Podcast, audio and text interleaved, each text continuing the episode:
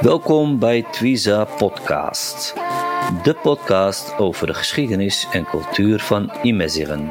Mijn naam is Abdeslam Oulat Sedik.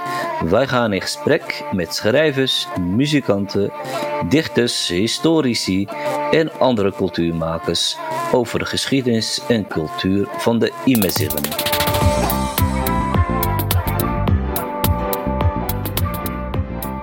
Dag eh, beste luisteraars, eh, welkom terug bij de Twiza podcast, inmiddels alweer de negentiende aflevering. Uh, de tijd gaat zoals we allemaal weten best snel. de coronamaatregelen zijn inmiddels versoepeld.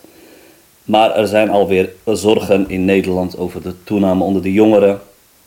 En vandaag is ook nog eens de finale van het EK. Maar naast al deze andere zaken gaan we een mooi gesprek aan met onze uh, bijzondere gast. Uh, zoals ik altijd al zeg. Uh, mensen die bij ons komen zijn vaak mensen die, ja, die, die, die best wel wat op hun cv hebben staan. En toch wel bijzonder zijn. In dit geval is het filosoof en journalist de heer Mustafa Arab.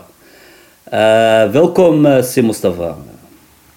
Goeie, ja, goedemiddag. Het is al tien over twaalf. Ja. Het is net middag uh, aan inderdaad nu. Uh, op, een, op een zondag nemen we het op. Uh, ja, de zomer nadert. Hoe is het verder, uh, Sim met jou? Heb je nog vakantieplannen? Of, Jawel, jawel, waarschijnlijk ga ik, maar ik blijf hier in Europa. Ik ga niet verder dan, ehm, ik ga rijden. Ehm, Precies. Ik wil niet afhankelijk zijn van een vliegtuig of een boot of een schip. Ja, ja, Als er iets, dan pak ik gewoon, start ik mijn, eh, mijn auto en dan wegwezen. nee, dat, ik begrijp dat, is, dat is mijn plan. Ja, ja eigenlijk ook mijn, eh, mijn idee om uh, misschien richting het zuiden te rijden, wat je zegt. Dan, hoef je de zee niet over en als er wat is kun je altijd rustig terugrijden inderdaad. Precies, ja. Ik denk dat heel veel mensen zo zullen denken. Oh, mooi. Uh, moest voor dit gesprek hebben wij nog even contact gehad. En uh, heb ik jou gevraagd, ja, waar zou, zullen we over gaan praten? En toen heb jij mij een, een, bericht gestuurd dat, het, ja, dat de geschiedenis van Imeziren best complex en groot is. Hè? En, en dat het toch wel verstandig is om, om een beetje op de recente geschiedenis te gaan inzoomen. En met name het verzet van Moulay Mohand en daarvoor Shrif Hamzian. En uh, natuurlijk ook de rol van de Spanjaarden. Dus wat hebben ze daar gedaan uh, tijdens de oorlogen, maar ook daarna. Dus dat is ons, uh, onze thema. toch, Mustafa? Ja, klopt. Ja, ja, ja. En um, ik verheug me, want ik ging vanuit dat het gesprek in het Terrifiet of Arabisch zou zijn, maar toch okay. in het Nederlands. Maar dat vind ik prima. Ik wil graag communiceren met, met, met de jeugd hier in Nederland. Ja. Uh, mensen die naar, naar ons nu toekijken. Ja. En mensen die uh, iets willen weten over de roots. eigenlijk, die groep wil ik, met die groep wil ik graag communiceren. Ja, heel mooi. Ja, dat is ook de gedachte van, van deze podcast. Ook met, met die insteek ben ik het gestart om ook de jongeren te bereiken. Maar we doen af en toe ook, sinds kort zijn we ook begonnen om tweetalig te doen. Dat is misschien voor een andere keer, weet je wel, als we weer een thema hebben. Mm, maar, maakt niet uit. Uh, maar dit, in, ja, de, Precies, de, de, de meeste podcasts zijn in het Nederlands, inderdaad. En laten we het gewoon, uh, ja, wat je zegt, in het Nederlands doen. Dan, uh, dan bereiken we ook heel veel jongeren. En ook ja, de mensen die Terrifiet niet machtig zijn, inderdaad. ja, goed, ik doe een hele korte intro en dan starten we, dan geef ik vooral het woord aan jou. Ja, Mustafa Arab is, is, geboren in Marokko, uh, studeerde filosofie aan de Universiteit van Fes. Uh, kwam later in de jaren 80 uh, naar Nederland en promoveerde hier aan de Universiteit voor Humanistiek in Utrecht. ja, Mustafa Arab is niet alleen filosoof, maar ook in de media actief geweest, onder andere als programmaleider bij Nederlandse Islamitische Omroep en heeft daarna natuurlijk heel veel meer gedaan. Maar daar gaan we over, uh, over, uh, meer over te weten te komen. En natuurlijk vooral over uh, de historie van, van de RIF en de rol van de Spanjaarden. Mustafa, voor onze luisteraars, wie is Mustafa Arab precies? Kun je misschien iets korts over jezelf vertellen? Meestal vind ik het heel moeilijk om over mezelf te praten, maar goed, ik doe het. U vraagt het. Je vraagt het aan Mustafa Arab. Um, uh, ik ben in Rif geboren, uh, precies in Bekewa, uh, 1960. Dus nu ben ik een oude man geworden. ik kwam naar Nederland 1986, uh, precies augustus 86. Okay. Uh, ik kwam met het idee, ik ga naar Europa. Eigenlijk, mijn komst naar Nederland was echt puur toeval. In de, bij de universiteit van Abdullah, Mohammed bin Abdullah in Fes. Mm -hmm. De faculteit van de filosofie heeft vijf studenten toen geselecteerd. Okay. Uh, om ze naar Frankrijk te sturen met studiefinanciering. Ja. En daarna, twee jaar later, zouden ze teruggaan naar VES om daar te doceren. Ja, precies. Ik, ben, ik was een van die vijf. Okay. Een maand later, dus wachten, wachten, wachten, wachten. Een maand later kwam decaan, nee, doyen van de faculteit, die zei, zei weet je wat, Auledi, met deze, ja. wij kunnen voor jullie niks doen. De Ah, minister van Binnenlandse Zaken wil niet dat jullie naar Frankrijk met de studiefinanciering eh, eh, gaan. Oh, Toen zei ik tegen mijn collega's van toen, weet je wat, ik ga naar Europa, met of zonder studiefinanciering van Ja, maar- dat is een Ja. verhaal die ik, dat ik nu eh, openlijk vertel. ja, inderdaad. Ik pak mijn spullen toen, Maar was dat-. Mustafa, wa- was dat omdat er een soort uitwisseling was tussen de universiteiten en dat dat op een gegeven moment die geldkraan werd dichtgedraaid? Of, of was daar een andere reden? Nee, nee, nee, nee, nee, poli- puur politieke redenen. Dus filosofie, mensen van filosofie, kritiek, dat soort dingen mochten Ja, niet gebruik maken van het geld van de overheid. Precies. Ik dat. ging naar RIF, eh, ik ging eerst naar Hosema, want ik woonde in. En. Daarna ging ik naar Bukiwa, naar mijn ouders. Mijn vader was terug, eh, ge- gepensioneerd, terug naar- vanuit Nederland. Ik vroeg mijn moeder, ik zei tegen haar alsjeblieft, wie je mijn vader, je, je, je weet hoe de contacten met, tussen de kinderen en de ouders ja, ja, ja. Wil je even mijn vader vragen of hij mij eh, kan ondersteunen met Precies. een beetje geld. ja. Hij was tegen, dat ik, tegen het idee dat ik naar Nederland zou komen, want hij was hier, hij heeft hier gewerkt, hij weet hoe het moeilijk was. En. Maar ik was vastbesloten. Ik zei alsjeblieft, geef me wat geld. En eh, Inderdaad. ik ga er van doen. Hij heeft mij 600 euro van toen, hè, Ja. eh, hem. ja 600 Ah, gulden. Ja. Zo is het gegaan. Eh, ik, ik vroeg iemand om een visum te regelen. Ja. En de persoon, die is nu overleden, mijn dank aan hem, Laat- heeft mij een visum geregeld in Tanger. En pakte ik de bus naar, nee, ja, trein eigenlijk. Van Algeciras naar, naar, naar Amsterdam. Naar Amsterdam. Zo is het. Zo ging het. Eh, dus het was puur toeval. Het was een reactie op het feit dat het ministerie van Binnenlandse Zaken ons niet wil sturen naar, naar Frankrijk. ja. Dat was eh, het verhaal achter, achter mijn immigratie vanuit Marokko naar Nederland. Interessant, ja. Ja, dat, ja begrijpelijk. Dat, dat, eh, dat, dat door die nare ervaring in, tijdens je studententijd, dat dat, dat inderdaad een, eh, een reden was om, eh, om je biezen te pakken en, en hier terecht te komen. Ehm, ja, dat, dat politieke, dat was natuurlijk in die tijd nog, nog intenser dan, dan, dan dat het nu is natuurlijk. Dat, dat, waren, Ja. dat waren de lode jaren, we kennen de- al die verhalen natuurlijk. Ja, zeker, Ja, zeker, zeker. Het was me niet makkelijk. het was- Ja. Een filosofie, en wat op een gegeven moment eh, koning Hassan II uh, had de filosofie eh, eh, bij de universiteiten verboden. Maar toch daarna is het toegestaan en, en, en. Maar ja, zoiets van, ehm, ja jullie zijn lastig, jullie zijn kritisch, Ja. eh, eh, blijf maar hier. En dat, eh. Maar toch, ik ben geëmigreerd. Ik ben beland in eh, augustus eh, 1986 in Amsterdam. En daarna, daarna heb ik heel snel mijn weg kunnen vinden, Ja. eh, konden vinden naar de Universiteit van Amsterdam. Ja. Daarna heb ik mm, ja, echt, echt goede mensen tegengekomen. Eentje, mijn eerste promotor, Hubert Dietier, is eh, januari dit jaar overleden. Ah. Eh, daarnaast kwam ik iemand, studentendecaan, eh en Theodor Bolton, hij leeft nog, hij, hij is in Utrecht. Ja. Deze gasten, deze twee mensen vergeet ik niet in mijn leven. Ja. Want ze hebben een heel grote rol gespeeld in, in mijn ontwikkeling Ja. hier in Nederland. Zonder hen had ik het niet kunnen redden. Nee, Eh, precies. uiteindelijk, het ging gewoon zoals het wilde, zoals het ging.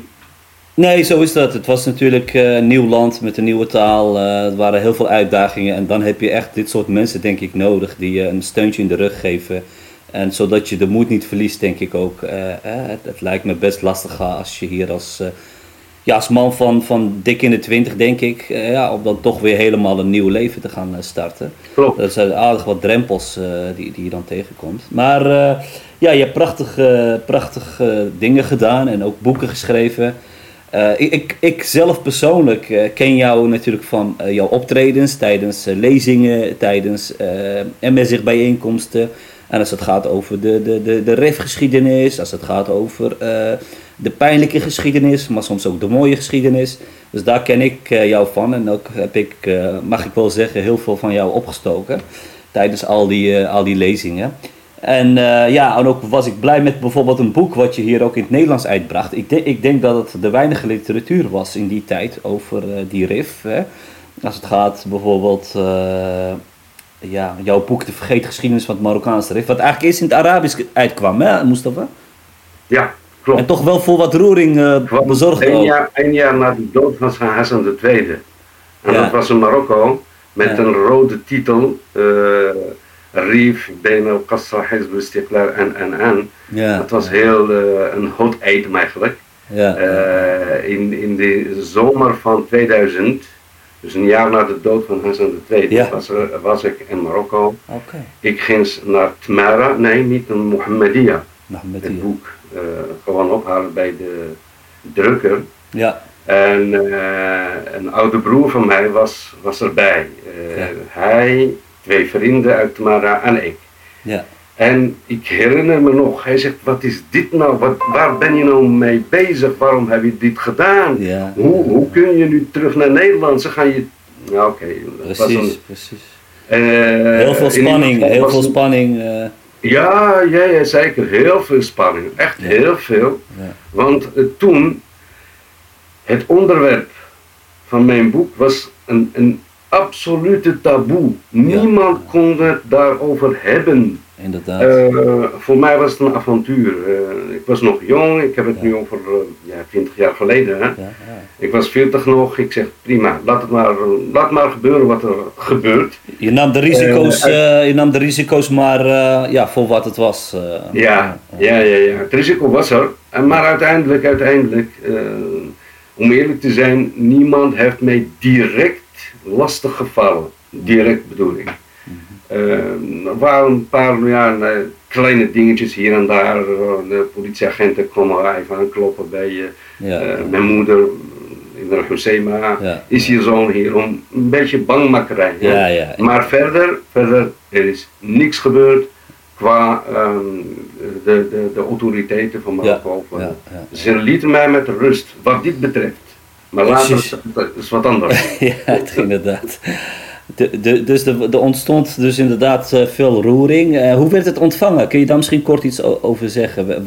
Waar, de, ik ja, neem aan dat er voor- en tegenstanders waren, et cetera. Jawel, jawel. De ja. tegenstanders waren met name vanuit een politiek partij. Die ja. toen in, in, in de, tijdens de opstand van uh, 1958, 59, de politiek partij die alles in handen had. Ja, ja, ja. Uh, werd in mijn, is, wordt in mijn boek heel bekritiseerd. Ja, en deze gasten vonden het niet leuk. Nee, precies. Wat deden ze? Ze hebben toen iemand uit hun um, uitvoerende commissie, Lejnet Nvidia, mm -hmm. Slam Msari uit Tetwal, Allah rahmo, een goede man. Ja. Ze hebben hem ingezet om uh, een, een soort reactie te geven Ja. in de Marokkaanse media op mijn mm, beweringen, zou ik zeggen. Ja, ja. Dat heeft hij gedaan, maar het is hem niet gelukt. Want hij zegt, ja, meneer Ara beweert dit, beweert dat, beweert dat. En, eh, en hij baseert zich op buitenlandse Ja. boeken, buitenlandse onderzoeken, maar hij neemt niet on- onze, ze- onze eh, hoe het, eh, kranten, want ze hebben een krant. Ja. Uiteindelijk heb ik ook een reactie gegeven op, maar die man, ehm, eerlijk is eerlijk, was een integer man. Een keertje heeft hij mij hier gebeld. Ik was hier in deze kamer. Hij zegt, luister, eh, het is niet persoonlijk, maar ik zeg, wat mij betreft is het ook niet persoonlijk, want jullie waren toen aan de macht. Jullie zijn verantwoordelijk eh, voor wat er is gebeurd, samen met het paleis. Ja. Dus eh, ik als onderzoeker, ik heb alle recht om dat te zeggen. Nee, in ieder geval, Mhm. de reacties Uh, in een Rif waren heel goed natuurlijk, want voor de eerste keer dat men over dit onderwerp praat, eerste keer na, na, na, na was het nog vier, 40 jaar. Ja, ja. Uh, de, de, enige kritiek kwam uit de partij van ja. Istiklal, de onafhankelijke partij. En ik heb net gezegd waarom. Dus uh, in principe, nee, het, het boek was toen goed opgevangen. Mooi. Ja, zeker. Ook, ik was heel blij ja, toen die vertaling uiteindelijk in 2009 volgens mij uh, vanuit de Stichting Observatoire uh, werd uitgegeven hier in Nederland.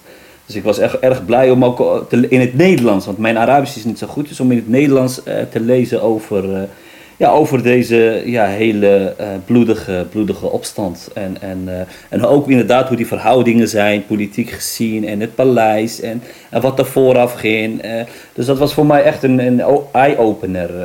en, en ja, dank voor jou dat jij die, dat, dat, dat, dat hebt gedaan, dat, dat onderzoek en, en ook die durf, hè, dat was natuurlijk toch wel net na de dood van, van koning Hassan. Om, om zoiets uit te geven is best wel, eh, ja, wat we net al bespraken, was niet zo makkelijk. Dus uh, complimenten voor jouw inzet daarvoor.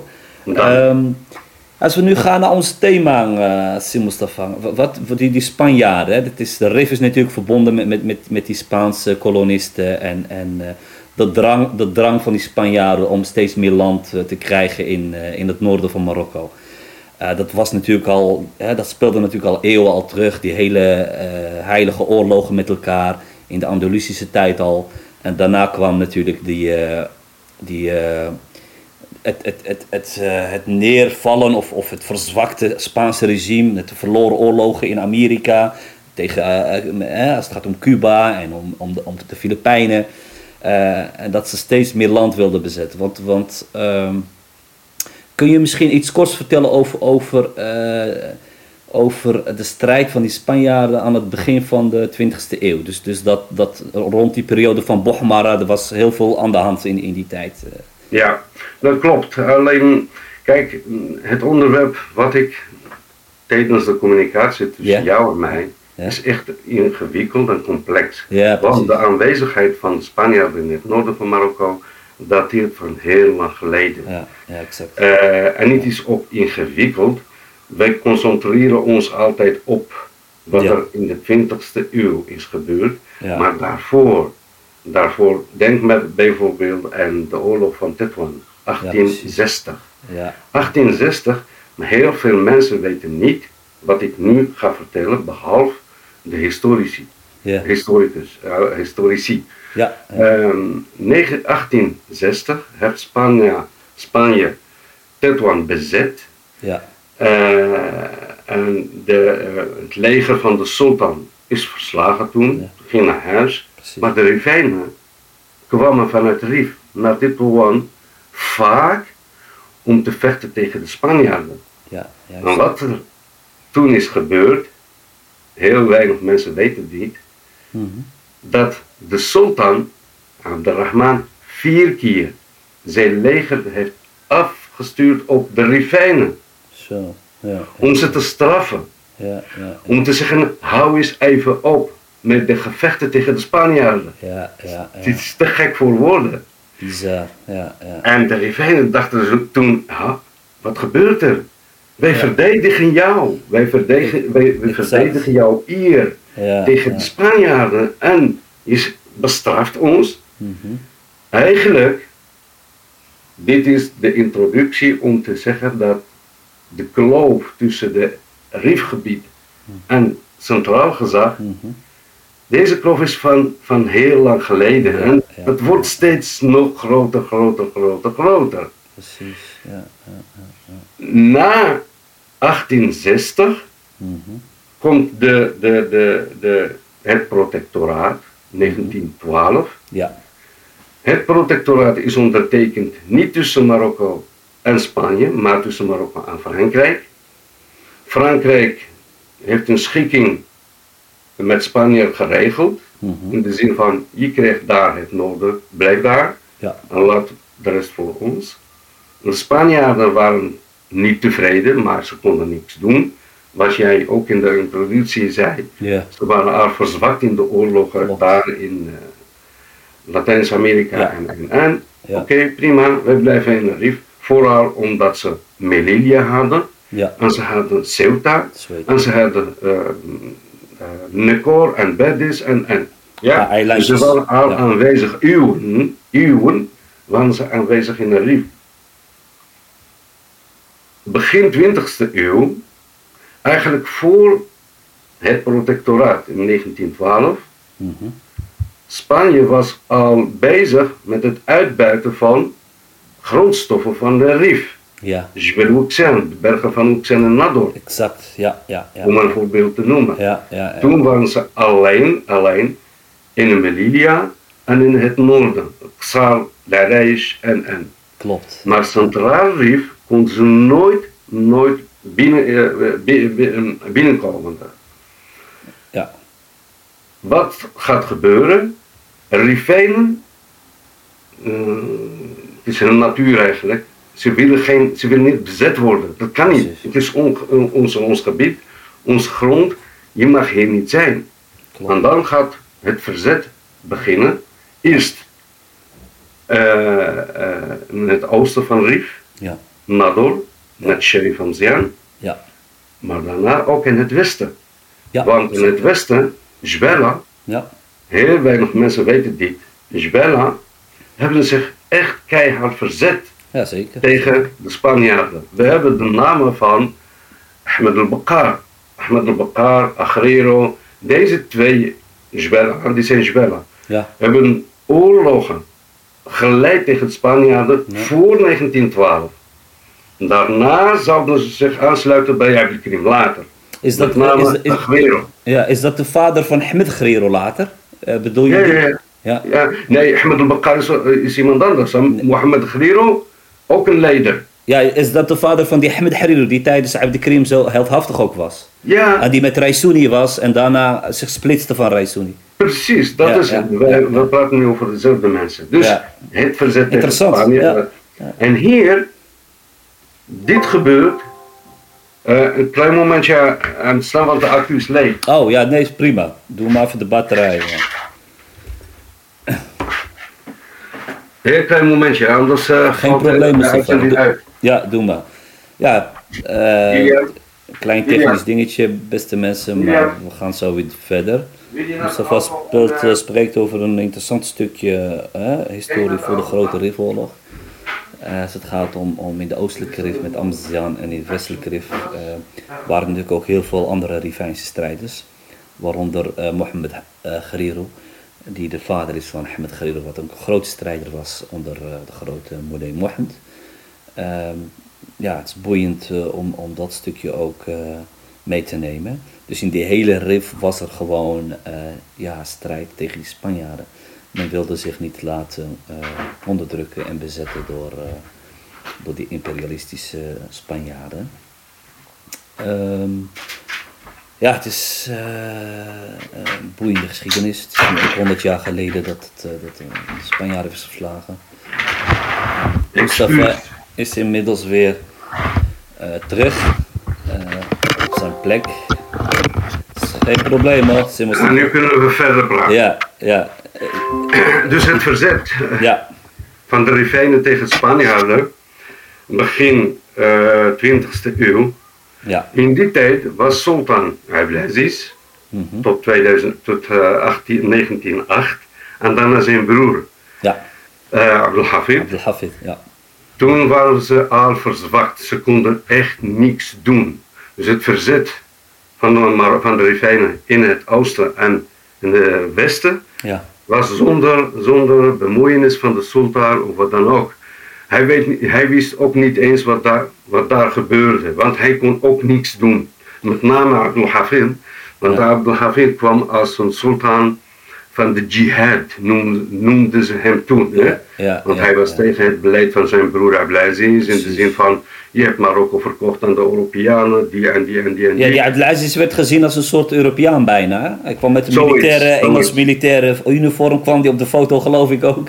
Uh, Zoiets, want Abbasis was een jong, jong sultan. Ja, hè? daarvoor was wat wij in het Nederlands noemen de dirigent, uh, Hajb, Bahmed. Bahmed, hè? ja. Ja, Dirigent betekent op het moment dat de sultan jong is, voor 18 jaar, daar heb je iemand, een vizier, een wazir, uh, die, die alles regelt. En minister-president of zo. Uh, zoiets, zoiets. zoiets dus Bahmed was, had, had al uh, Marokko al verkocht door, door middel van verdragen in Parijs.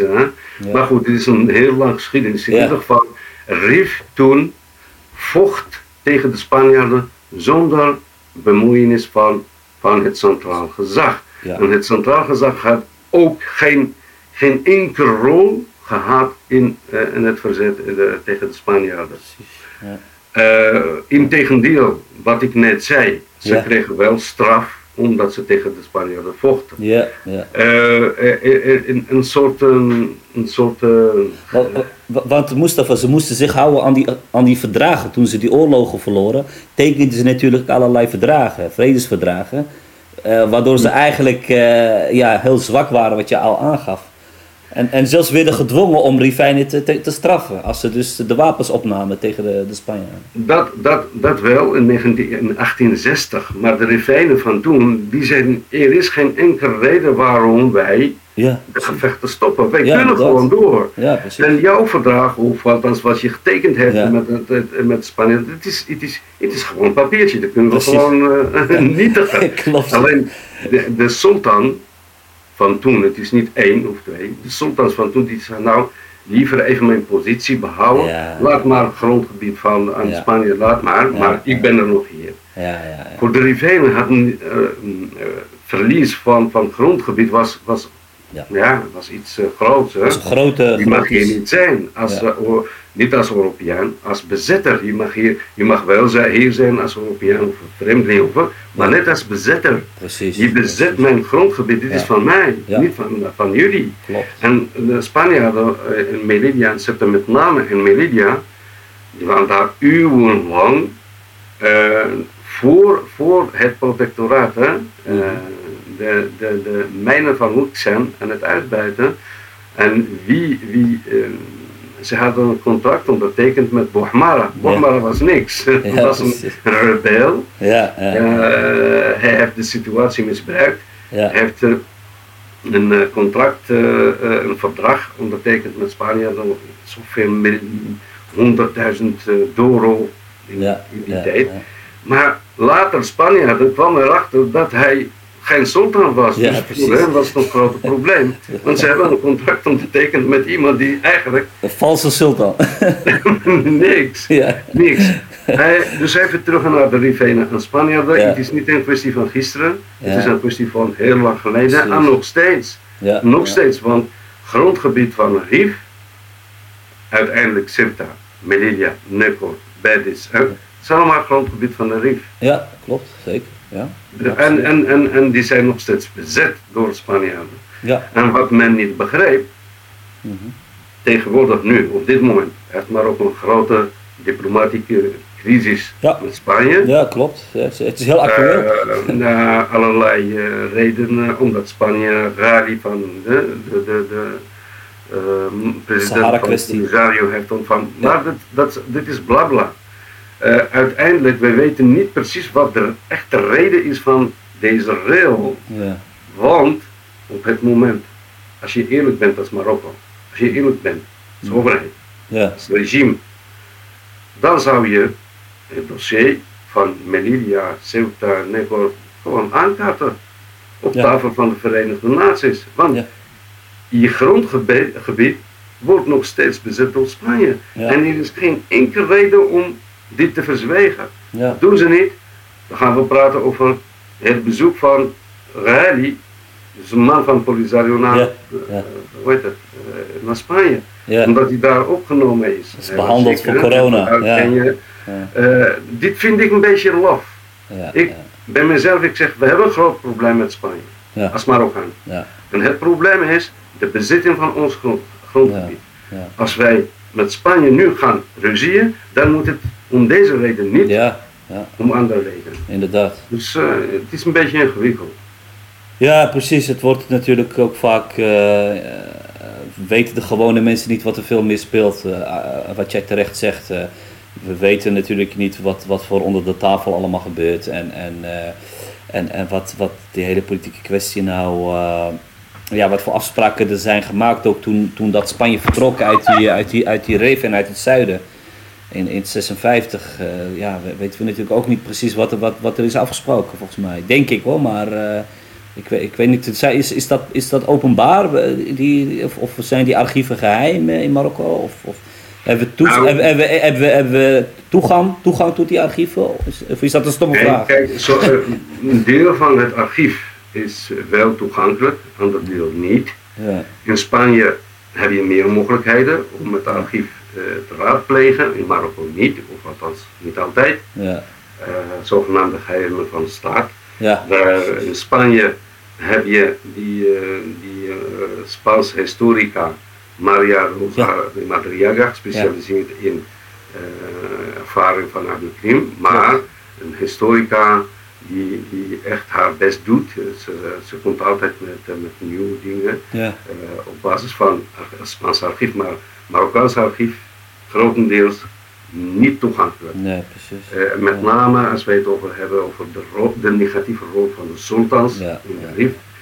Uh, maar niet allemaal in de RIF, ook in het zuiden. Maar precies. Okay, prima, nu praten we, praten we over de RIF. Precies. De negatieve rol van het centraal gezag niet alleen maar tijdens of na de Tetuan-oorlog, maar ook daarvoor.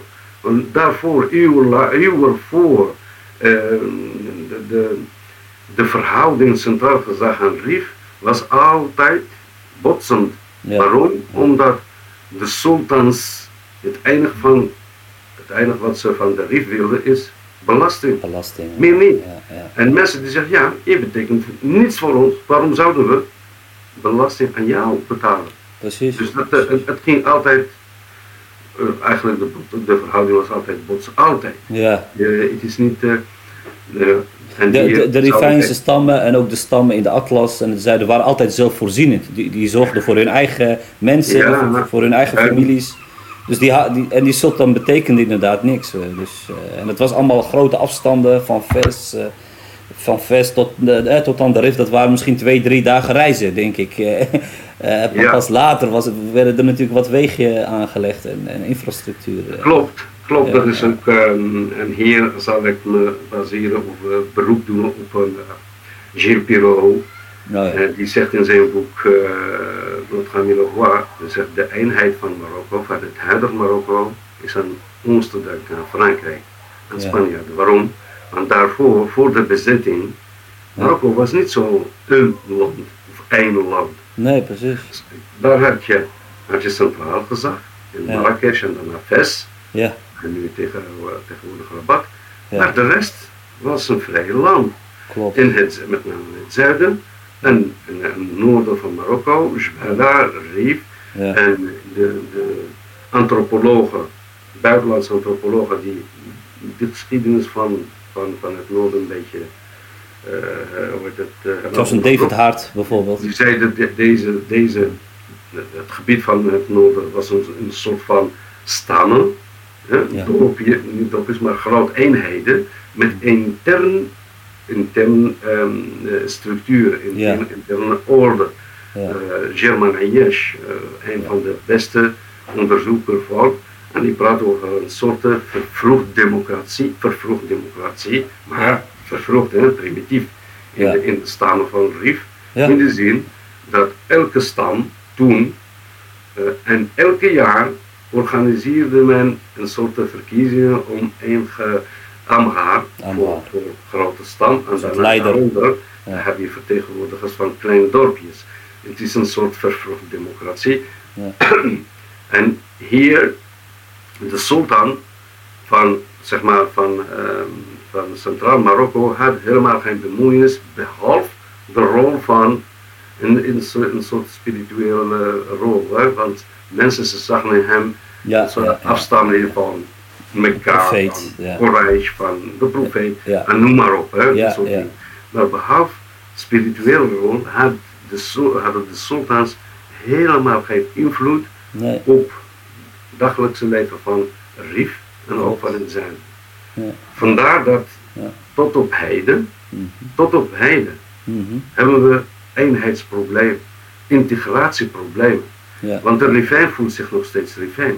Geen echt, echt Marokkaan. En hetzelfde Soes, hetzelfde.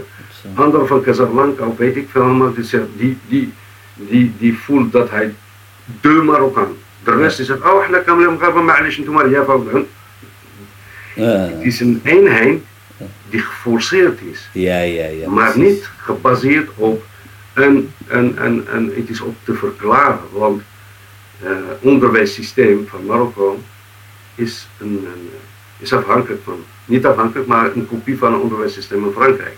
En de Fransen, de Fransen, tot op heden, willen Marokko niet loslaten, want ze hebben daar belang.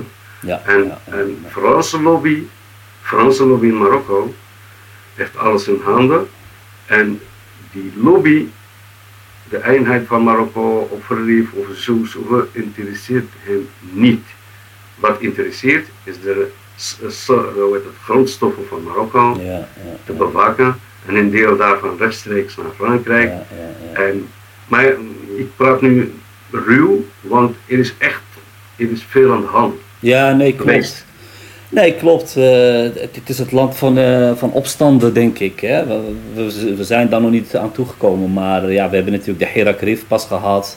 Mensen in Jarada die in opstand kwamen. Mensen in Zagora. Er is altijd wel wat aan de hand in, in, dat land. Dus dat verklaart ook net wat jij zegt. Van, dat het een gedwongen soort eenheid op gedwongen en niet echt een goede verzoening is geweest met alle, met alle mensen van, van het hele land. Um, uh, ja, dat is eigenlijk best wel uh, pijnlijk voor de mensen natuurlijk en voor de democratie, voor de ontwikkeling uh, van, van een land. maar als we gaan terugkijken naar die rol van die Spanjaarden, op een gegeven moment hebben we natuurlijk die, die het was een hele vrede oorlog, hè, Mustafa. We hebben, ik heb hier ook over gesproken met bijvoorbeeld Sietske de Boer, heb ik hier op bezoek gehad.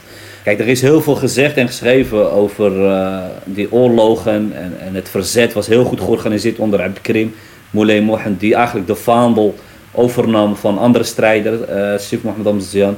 Uh, kun jij nog iets vertellen wat, wat, uh, wat, wat deze man zo bijzonder maakt, uh, Moulay Mohammed? Want ik weet bijvoorbeeld dat hij een uitspraak deed van dat hij te vroeg was voor zijn tijd.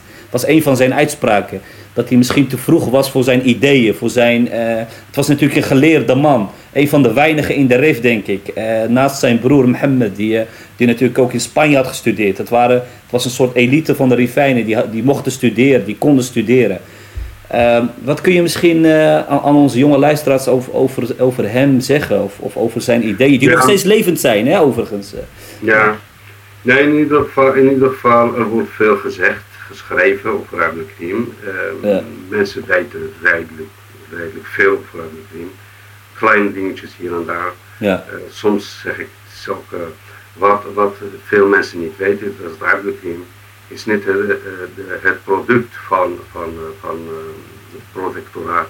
Het Spaanse Abdelkrim was al een revolutionair voor toen hij in, in VES studeerde, want hij heeft gestudeerd aan de Universiteit van Caroline in VES. Ja. Toen was hij betrokken bij de, de, de, de, de, de actie tegen Abdelaziz, de sultan.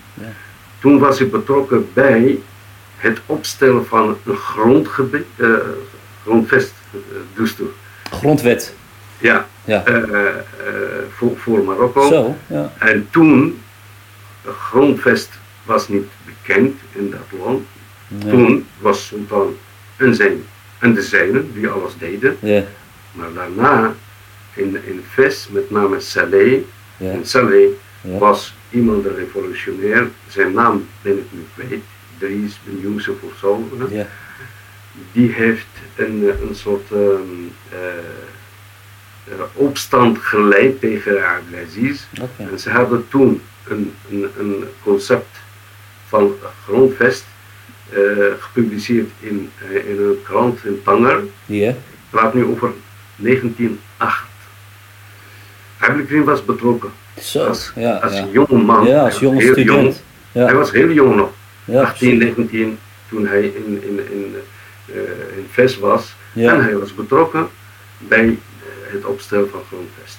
Ja. Eén, de, de, de, de zoon van de man uit Salé, ja. die het grondvest toen voorstelde, ja. is vermoord door Spanjaarden in een rief. Samen met Abdelkrim. Uh, hij was daar betrokken, uh, ondersteuning, dat soort dingen. Abdelkrim. Uh, de, hij is de zoon van die, van die man uit Salé, vermoord in de rif. Ja, door samen met, samen met Abdelkrim, zeg je dat? Hij was, hij, hij was Abdelkrim aan het ondersteunen, ja, maar ja, ze hebben hem geliquideerd. Er is een aanslag op hem gepleegd, ja. Precies, geliquideerd. Dat wist en, niet. Uh, dus de periode van 1919, toen Abdelkrim uh, de opstand kwam van uh, zijn eigen project. Maar daarvoor was hij betrokken, was hij zeer politiek betrokken. Was, Hij was actief. Hij was, vandaar het idee, toen hij aan zeg maar, aan de macht kwam, het eerste wat hij, wat hij deed, een grondvest aan zijn jonge republiek. Ja, ja, ja. En ja, dat grondvest, deels is verloren. Er zijn alleen maar een paar dingetjes, mm die werden door uh, een Algerijn, die uh, in ieder geval een paar artikelen. Een paar artikelen van die grondwet. Ja. Precies, maar de rest is verloren. Ah, voor, de, voor de mensen die hier geïnteresseerd zijn en ze kunnen Frans lezen, ik verwijs ze naar het boek van Abdelkrim et la. Mm is, uh, dat boek uh, verschijnt volgens mij in 1973. Het is, um, het is een naslagwerk van een, een, een internationale conferentie over Abdelkrim. Ja. Georganiseerd toen door uh, ex-Marokkaanse premier Abdelrahman Yusuf Lafmont, ja. inmiddels overleden. Ja. Daar, uh, daar hebben ze, ze hebben de Fransen meegedaan, Spanjaarden, Marokkanen en zelfs Habib Bourguiba van Tunesië ja. ook, ook meegedaan. Er is een artikel in dat boek over de rol van Abdelkrim in het opstellen van de grondvest van toen. Boeiend. En daarna zijn eigen grondvest. Ja. De, de, auteur van het artikel citeert een Algerijn of een ander Marokkaan die uh, uh, een aantal artikelen nog van dat grondwet uh, het, uit, zijn, uit zijn hoofd citeert, maar yeah. nu kan ik dat niet. nee. Ik, ik, weet niet meer welke de naam van de auteur, maar in ieder geval, het staat in dat boek 100%. Dat het idee van ehm, grondwet voor, zijn, voor het Marokkaanse Republiek dateert eigenlijk van heel lang geleden. Ja, Want de man, toen hij nog jong was, hij was al democratisch in zijn denkwijze. Hij wil niet dat een persoon, de sultan of president wordt, dan ook alles uh, bepaalt. Ja, ja, dus ja, was jong. Precies. Gewoon vanaf zijn jeugdjaren was hij een revolutionair, een democraat en, en, en, en, en een modernist. Ja. Later kunnen we hierover praten moder, eh, eh, modernisme aspecten bij de Krim, daar kunnen we het later over hebben. Ja, zeker. Nee, dat klopt. Hij is, eh, wat je zegt is wel ja, is heel boeiend.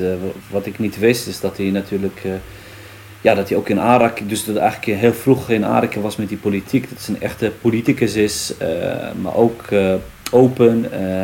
ja, je zag dat ook nadat hij verslagen werd, of nadat de Rifijnen werden verslagen en hij werd verbannen en zich weer vestigde in, in, in Cairo, in Egypte, bleef hij doorgaan met, met dat proces. Met dat hele bureau wat hij daar had, uh, de ontmoetingen met, met, met, met het bevrijdingsleger, uh, met, met de leiders van het bevrijdingsleger. Maar niet alleen van Marokko, wat je net zegt, Tunesië, Algerije, die waren natuurlijk allemaal bezig met die antikoloniale strijd met, met, in, in, in al die landen. Dus hij bleef vechten voor de mensenrechten, dus voor, voor, voor onafhankelijkheid, voor, voor vrijheid. Dat is denk ik wel, uh, denk ik, de rode draad door zijn leven, of niet Mustafa? Dat het een beetje... Ja, uh, uh, ja inderdaad. Kijk, wij kunnen uren en uren ja. over. Ja, precies. Persoonlijk, persoonlijk ja. ik bewonder deze man. Ja. ik heilig hem niet, maar ik bewonder hem heel erg. Want, de man, hij vocht op verschillende terreinen. Ja, ja. Hij was een, een uh, militair, uh, hoe noem je dat, uh, leider, ja, ja. veelhebber. Ja, emir. Dagelijks. Ja, ja. Hij was een modernist in zijn denken. Ja, Hij dacht, hij ging vanuit, hoe heet dat, dingen importeren vanuit Europa. Ja. Zoals een fototoestel, eh, een, vliegtuigje en dat soort. Ja, Dus even moderniseren van een RIF. ja. Hij was een politicus. Hij, hij wilde gewoon een, een land bevrijden en leiden. En. In ieder geval, ik, ik, ik, ik, ik, ik vraag me af, hoe, waar haalt hij tijd vandaan om alle die dingen te kunnen combineren?